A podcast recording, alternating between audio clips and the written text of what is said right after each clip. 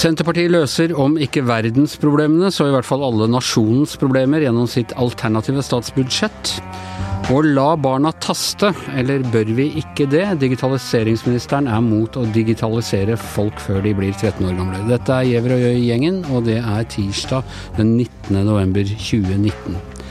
Uh, ja, uh, som vi husker fra forrige uke, så fikk eh, Senterpartiet rent flertall og danner nå flertallsregjering, og har nå lagt fram sitt første statsbudsjett, Astrid Mæland, eller i hvert fall på liksom hvis, hvis, de hvis de hadde tatt makten basert på de gode meningsmålingene forrige uke, og de skulle legge fram et statsbudsjett, så ville det se slik ut som det de har presentert i dag. Ja, de har lagt, altså lagt fram sitt alternative statsbudsjett for 2020. Ja. Og hvis de fortsetter å være så store som eh, de er nå, over 20% på målingene, så er det klart at en god del av det som står i det budsjettet, som er på over 200 sider faktisk, kjempetjukt, det kan bli ekte budsjett eh, kan havne i det ekte budsjettet i, 2021 eller 2022. Et budsjett for annerledeslandet, som var Senterpartiets visjon forrige gang de, de var oppe og snuste på, på disse Det ble i hvert fall ikke en rød-grønn regjering, det ble mer en grønn Rød. Grønn-grønn. Grønn-grønn. Ja. ja. Eh, så derfor er jo det her budsjettet eh, litt mer interessant enn alle andre de alternative budsjettene. Det er jo en sånn MDG legger frem på torsdag? Ja, det er spennende det òg. Alle partier gjør jo det, og det er jo en årlig foreteelse. Og det er en litt sånn um, egen sjanger, da, der det er alltid litt juks og bedrageri. Men men òg litt sånn interessante retninger. Det som Senterpartiet satsa på, som er den bærende fortellinga politisk i det statsbudsjettet her, er at eh, med, i alle disse åra med blå-blå regjering med Siv Jensen som finansminister, har altså avgiftene økt mer enn noen gang. Og dette er jo flaut da for eh, partiet Frp, som ble altså stifta for å senke skatter og avgifter og Men så er det jo det, de skal kutte avgiftene, men øke skattene, er det ikke? Mm. Ja. Mm. Så, så, hva er poenget? Jo, det er nettopp det som er poenget, at avgifter er jo urettferdig for dem som har minst. Du må betale moms på mat selv om du tjener 350 000. Et vel omtrent like mye som en som tjener 850 000. Sånn at det eh, fører til at de som har lite fra før, får enda mindre. Men skattesystemet er jo ofte progressivt. Altså inntektsskatten, minstepensjonister skatter ikke på minstepensjonen sin, osv. Ja. Eh, Tone Sofie Aglen, eh, blant mange ting på din CD i ditt relativt korte liv, så har du også vært rådmann. Eh, og, og kan ikke du med rådmannsbriller se på og si noe om dette budsjettet. Er, det, er dette bærekraftig, eller er det Nei, jeg syns i hvert fall at det er interessant å se hvordan eh, Senterpartiet tar Frp sine klær mens de bader, som det heter. Ja, er det Frp sine klær de tar? Ja, det her med avgifter, særlig um, bensin, og at de liksom går bort fra det der forurense betale-prinsippet, som har vært uh, ganske stor enighet om, det opplever jeg at uh, at det er det. Og så er det liksom morsomt å lese Senterpartiets budsjett, for de er jo uh, veldig opptatt av f.eks. For forsvar. Så er det liksom særlig det, liksom landmakta de er opptatt av, heimevern og sånn. De er ikke så veldig opptatt av det, det digitale og flyvåpenet, som er jo veldig gjenkjennelig. Men, det er ikke flyvåpenet og cyberforsvaret som skal få nei, penger av Senterpartiet? Definitivt ikke. Her er det ute i skogen og eh, Men jeg er kanskje mest fascinert over Vedum sin, sin måte å kommunisere på om dagen. For du har liksom lenge liksom kjent på det at han eh, er en mester på å ikke svare på spørsmål, men uh, si det han sjøl mener er viktig. Og det er jo, det er jo nesten liksom på grensa til det absurde noen ganger å høre liksom programlederne bare hakker og hakker i vei, mens han sier at det viktigste dette landet her er mm. hvor vakkert det er, og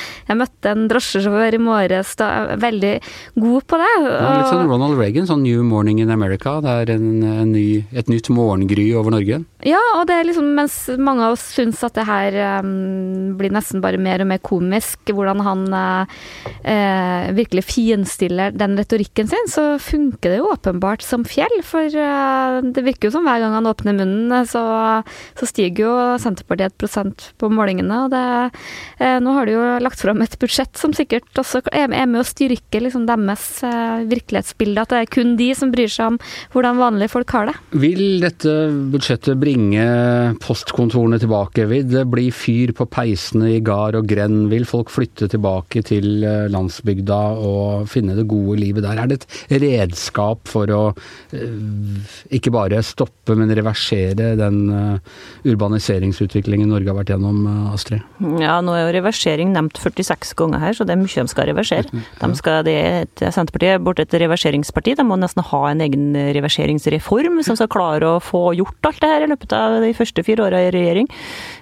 Men altså, det er jo en hel del som faktisk vil, hvis de får det som de vil, da, vil bli ja, politi hver ei grend. De skal vel lage gjenopprette 20 nye lensmannskontor.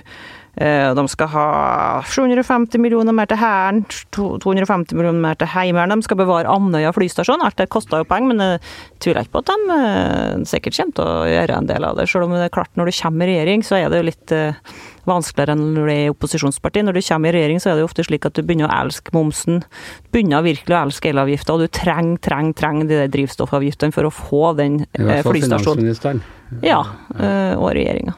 Men er det har det vært noe annet parti som har gått til valg på en sånn vi skal tilbake, altså vi skal reversere uh, på den måten her? Jeg vet at det er ønsker om det inni Rødt og, og kanskje deler av SV og sånn, men uh, en politisk vilje til å, å gå tilbake i tiden, Tone Sofie, er ikke dette det man kaller reaksjonært? Ja, og det er jo det som er Senterpartiets um, utfordring for tida, mener jeg. da, At de er utrolig dyktige til å påpeke problemer. Jeg, jeg tror veldig mange liksom opplever sånn liksom enkeltreformer eller enkeltting eh, fungerer godt, så tror jeg det er en liksom opplevelse der ute som sikkert vi er flinke til å bygge under på. At uh, nå forsvinner alt, og det blir så forferdelig. Men jeg tror jo veldig mye også er til det bedre. Mm. Eksempel um, postkontor, og det er liksom lett å oppleve at det forsvinner, men for de aller fleste så er jo tilbudene mye, mye bedre i dag enn det noen gang har vært. Men de har lykkes veldig godt med den uh, historien, og så syns jeg at de aldri svarer på, på det som er reelle utfordringer. F.eks. sånn fødeavdelinger og bunadsgrill og helsevesen. Det er jo ikke så enkelt at det bare handler om å spare penger eller ond vilje. Det handler jo rett og slett om å klare å ha kompetanse for å liksom Bare det å bemanne et sykehus, det, det krever enormt. Og det er veldig mye sånt som jeg syns Senterpartiet tar utrolig lett på, og aldri svarer ut. Og jeg syns også Vedum det skal han ha, utrolig dyktig til å klare å få entusiasme rundt sitt budskap, men også uten å svare på det som faktisk er ganske krevende spørsmål. Så må man jo si at eh, hvis dette er populisme, så er det jo en veldig human og sivilisert form for populisme. Da. Det er en populisme uten noen Altså syndebukken er eventuelt medier og folk som bor i Oslo, det, det tåler vi. Ja, det er ikke akkurat Sverigedemokraten eller uh, Det er reversering med et menneskelig ansikt ja. de, ja. vi skatter med her. Det er Pol Pott som et menneskelig ansikt. År null. Ja. altså jeg syns at de har en god del poeng i budsjettet sitt. Er jo, Hva er de beste poengene? Ja, nå kommer vi bare på de dårligste i begynnelsen. de skal f.eks. reversere eller sette ned elavgifta med bruke 1 milliard kroner på det, som betyr 200-400 kroner for folk flest i året. Kommer ikke til å merkes i det hele tatt, så det er ikke noe vits i det hele tatt. Men også Og så skal de jo sette ned drivstoffavgiftene, og det kommer de ikke til å klare. I hvert fall ikke hvis de skal samarbeide med SV, og knapt hvis de skal samarbeide med Arbeiderpartiet. Dessuten så har de jo problemer i Senterpartiet internt, det er upopulært internt òg. Men jeg syns den bærende fortellinga om avgifter, den er ganske god. da de har jo helt rett i det. SV har snakka om det i mange år.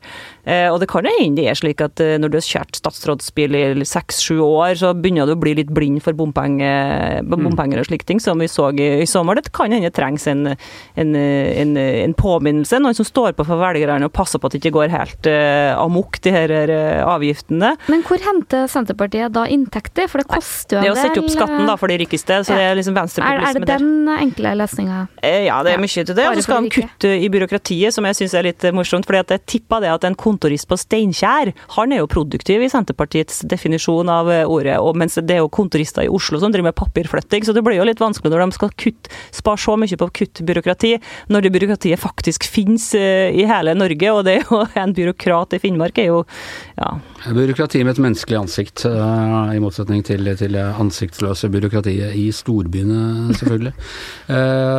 Hans Petter Sjøli, du har sittet så taus under denne debatten. Hva, hva tror du?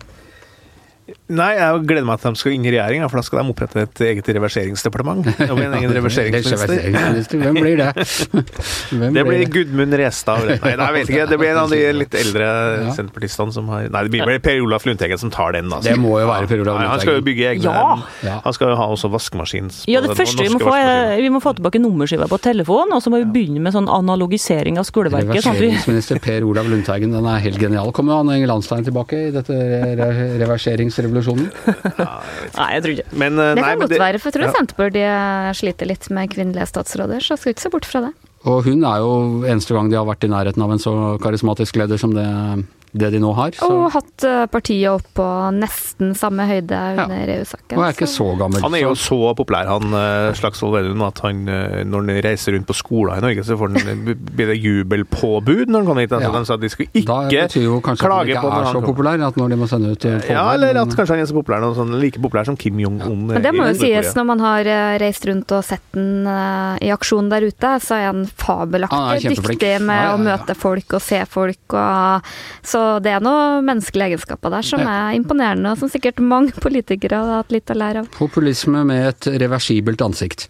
Uh, ja, vi, annen uh, snakkis i dag, eh, får vi vel kalle det. Vi våknet i dag til at uh, digitaliseringsministeren, som jo egentlig skal være det motsatte av en reverseringsminister eh, Men det, når Senterpartiet tar makta, så kutter de ut digitaliseringsminister. ja, vi må reversere digitaliseringen og tilbake til Analogisering. analogisering. Eh, Men, eh, men eh, digitaliseringsministeren, eh, Nikolai Astrup, han ber foreldre å holde barna unna smarttelefoner. Er bekymret for digital avhengighet og mener at foreldre ikke bør gi barn smarttelefon før de begynner på ungdomsskolen. Hva mener vi om dette? Jeg begynner. Jeg er uenig. Du er enig? La barna taste, sier du. La barna spille. Det er jo Ja. det første de gjør på sine smarttelefoner. De jo ikke at de er så mye på sosiale medier og sånn. De, De er mye på YouTube. ja, men det er også en del av spillinga, for de skal lære ting å spille. Så lærer de Ja, men de lærer andre ting der òg. Sønnen min kan alt om fengsler, blant annet. Ja, det er jo fa utrolig fascinerende hva Ja, han får med seg. Jeg, jeg, plutselig kommer min sønn på han er en av de, Jeg har fire, så han er nummer tre. da, Han er da tolv år, og han plutselig kommer og forteller meg sånne Ja. ville ting som han har lært seg på YouTube. Jordskjelv og sånne ting. Ja, det er fryktelig artig, egentlig. Ja. Men først og fremst så bruker de jo eh, smarttelefonen som en spillkonsoll, da. Det er det det er. Det er, det, for det, er- ikke sant? Og det er jo det er jo ikke sånn at de flyr rundt på Facebook og sånn som vi gamle folk gjør. Det, det, det er de bruker sånn og, og, og De sitter ikke oppe om natten røde i toppen og 'jeg skal bare vinne denne diskusjonen'. Nei, lite sånt. Lite kranglevårent. Men det, det greia er jo at ja, jeg syns ikke en statsråd har så mye med også på å være sånn moralist overfor foreldre. Jeg syns det der må vi finne ut av sjøl. Men er det moralisme? Ja, er det ikke det, da? Altså, la nå barna spille. La dem ha det gøy. Vi, når vi var små, så spilte de på sånne små konsoller, og sånne Donkey Kong og den slags. Og du snakka jo med lunsjen Anders, at du leste jo så mye tegneserier at du savner jo fortsatt bladet Tempo. Ja, ja. Jeg vil fikk- reversere den digitale utviklingen Ja, og da var tilbake til tegneseriene ca. 1973. Ja, sikkert mange som syntes det var forferdelig at barna sitt hadde begynt å De var tegneserier. kjempebekymra. Jeg fikk det ikke hver uke, for det ble for mye for meg. Så det her er den klassiske fortellinga om foreldre som, eh, ja, som ikke henger med helt i utviklingen. Ja, hva tror dere andre? Tone Sofie? Ja, nei, jeg er jo sterkt uenig med Hans Petter. Veldig enig med digitaliseringsministeren. Det hadde jeg faktisk ikke trodd jeg skulle si. Nei? Men uh, jeg tror han har noen uh, poeng, og jeg er jo grunnleggende reaksjonær på en del ting. Eh, og, og jeg er litt sånn bekymra for den eh, skjermbruken både blant barn og voksne. Jeg tror det er liksom lurt å reflektere over eh, Jeg bare merker det veldig godt meg sjøl. Nå har jeg vært handikappa ei stund, og jeg bare ser at du har liksom en sånn mobilbruk på seks timer per dag og sånn. Er ikke det bra når du ligger hjemme og kjeder deg, istedenfor å liksom måtte lese samme Donald-bladet om igjen og om igjen og om igjen, så kan du ja, være på YouTube og spille og underholde. Hva er galt med det? Ja, nei, det, det er personlig litt sånn bekymra for. er liksom den her evnen til å konsentrere seg og, og oppmerksomhet og sånn. Så får vi bare håpe at det her er litt sånn eh, digitaliseringens eh, barnesykdommer. Jeg var jo også veldig kritisk til sånn eh, Nintendo og TV-spill og sånn, så det ligger jo kanskje litt med å være kritisk. Og Altså, mine foreldre syns jeg har lest for mye Tempo og Supermann og Lynvingen, som Batman eh, da het. Eh, så neste generasjon så var det for mye sånn eh, MTV og Super Channel og, og det at det skulle være TV hele dagen, og det går ikke an for TV må bare være et par timer om kvelden og sånne ting. Og så kommer jo nå, tigger vi omtrent tenåringene om å se litt på TV med oss, fordi de bare spiller. Er ikke det en bare akselererende sånn uff, vi er bekymra for ungdommen-greie som vederfarer enhver uh... Kan jeg spørre, Hva vil jeg at ungdommen skal gjøre, da? Skal på ski, selvfølgelig. Ha på Ja, nikkers og gå på ski, ete appelsin, og så må vi være med. Det er litt slitsomt. Oh, og så skal, skal de klatre i trær og sånn. Ja. Skal de Og leke? leke tenne Harry fått deg på kassa. Leser bøker, da, for eksempel. Det er jo eh, Det, har jo, det er jo noe vi kjemper med hjemme hos oss, det det å få dem til å lese bøker. selvfølgelig. Ja, det... det- er klart. Men de, som du sier, de, de finner ut mye rart på smarttelefonene sine også, om jordskjelv og sånn. og, så, så det er jo ikke helt bortkasta tid heller. Jeg, jeg, jeg må jo innrømme, jeg er jo så, sitter jeg og er sånn modernist og så kul og sånn, men jeg er jo ofte også forbanna for det med mobilbruken, og særlig den YouTube-støyen og det der.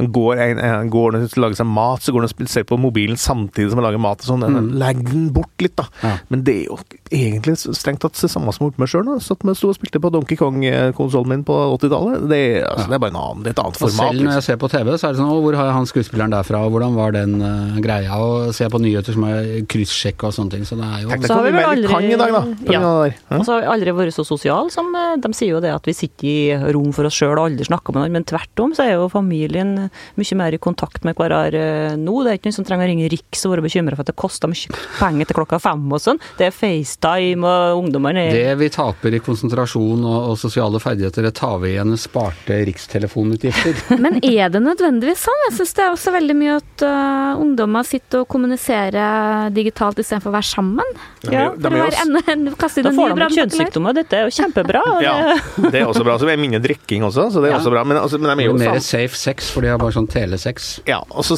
de er jo sammen på skolen hele dagen. ikke sant? Så de, de har lange skoledager. De kommer hjem, de går- drar på skolen klokka åtte om morgenen og kommer hjem klokka halv fire. Eh, og mange av dem er jo på idrett i tillegg. Da, at de sitter hjemme og spiller i mellomtida. Statistikken det er jo viser jo at de er problem, et eh, utrolig strekt. òg. Mange som faller utafor, særlig gutter med problemer. Mens store tall så viser jo at uh, unge drikker mindre, tar mindre narkotika, gjør mer lekser og trener mer. Altså. Jeg mener det er positivt. det- Men de er deprimert og stressa og kroppspress og bla, bla, bla. Ja, det går Bare vent de kan begynne å 3D-printe narkotika. Da begynner de med, begynner de med det også, når de slipper å gå ut og kjøpe det og garnere. Eh, vi prater og prater. Og Hva mener du da, Anders? Hva jeg mener om uh, Om mobiltelefoner og Nei, altså Jeg er jo som tenåringsforeldre flest litt bekymra, for jeg syns det blir litt mye. Uh, samtidig så er jeg helt enig med Hans Petter om å se verdien, uh, verdien i det også. Og eh, det er jo litt opp til foreldrene, kanskje mer enn ministeren. Samtidig syns jeg at en minister må ha lov til å tenke høyt rundt det. Ja, jeg skal ikke Han Nikolai må få lov til å gjøre det. Han er småbarnsforelder sjøl og er sikkert Ja. bekymra. Men jeg vil bare si ting, en ting til som er litt, litt seriøst. Det er at jeg syns at en del foreldre er, bruker altfor mye krefter og energi på å drive og sette eh, grenser, beskrankninger og regler. Når skal du få lov til å spille og sånt. Det blir et veldig sånn eh, regelstyrt eh, barneliv. da. Sånn, men så jeg har jo merka at etter hvert altså, så, ungene de lurer oss. vet du. De, uansett vi setter sånne grenser, så finner de ut hvordan du skal bryte de reglene og de, grensene. Så det, de er mye smartere enn oss. Men lykke til å få til det der uten regler. Men det er jo For forska en del på, for mange, særlig de som har gutter, er veldig bekymra for at guttene sitter veldig mye og spiller på data alene på rom og sånn. Og jeg det virker jo som at det går bra med mange. Det gjør det. Og jeg som har forska på det, bare sa liksom Hadde sønnen drevet med sjakk, så ville liksom foreldrene vært der Ja. og bare Å, så bra! Du Ja, satt og holdt med sjakk eh, ti timer i helga. Jeg hadde Kjempebra blitt barn. litt men- bekymra da òg, men eh, ja, men det er også veldig mye fordi foreldrene er så negative og skeptiske og litt sånn gammeldags som meg, at man også liksom gir barna at det er mye sånn negativitet knytta til den, den greia. Da. Men du vet, det å spille, du, men en ting, det å spille sjakk det kan føre til at du begynner å skrive biografi. og det må du ikke gjøre. Det kan føre at du begynner med, med fotball, som han eh, Agdestein, så, så det er slippery slope, det der. Eh, da er eh, Giæver og gjengen eh, over for i dag. Eh, I studio Tone Sofie Aglen, Hans Petter Sjøli, Astrid Mæland og jeg heter Anders Giæver. Og vår egen eh, digitale sjef og overlord, eh, Magne Antonsen.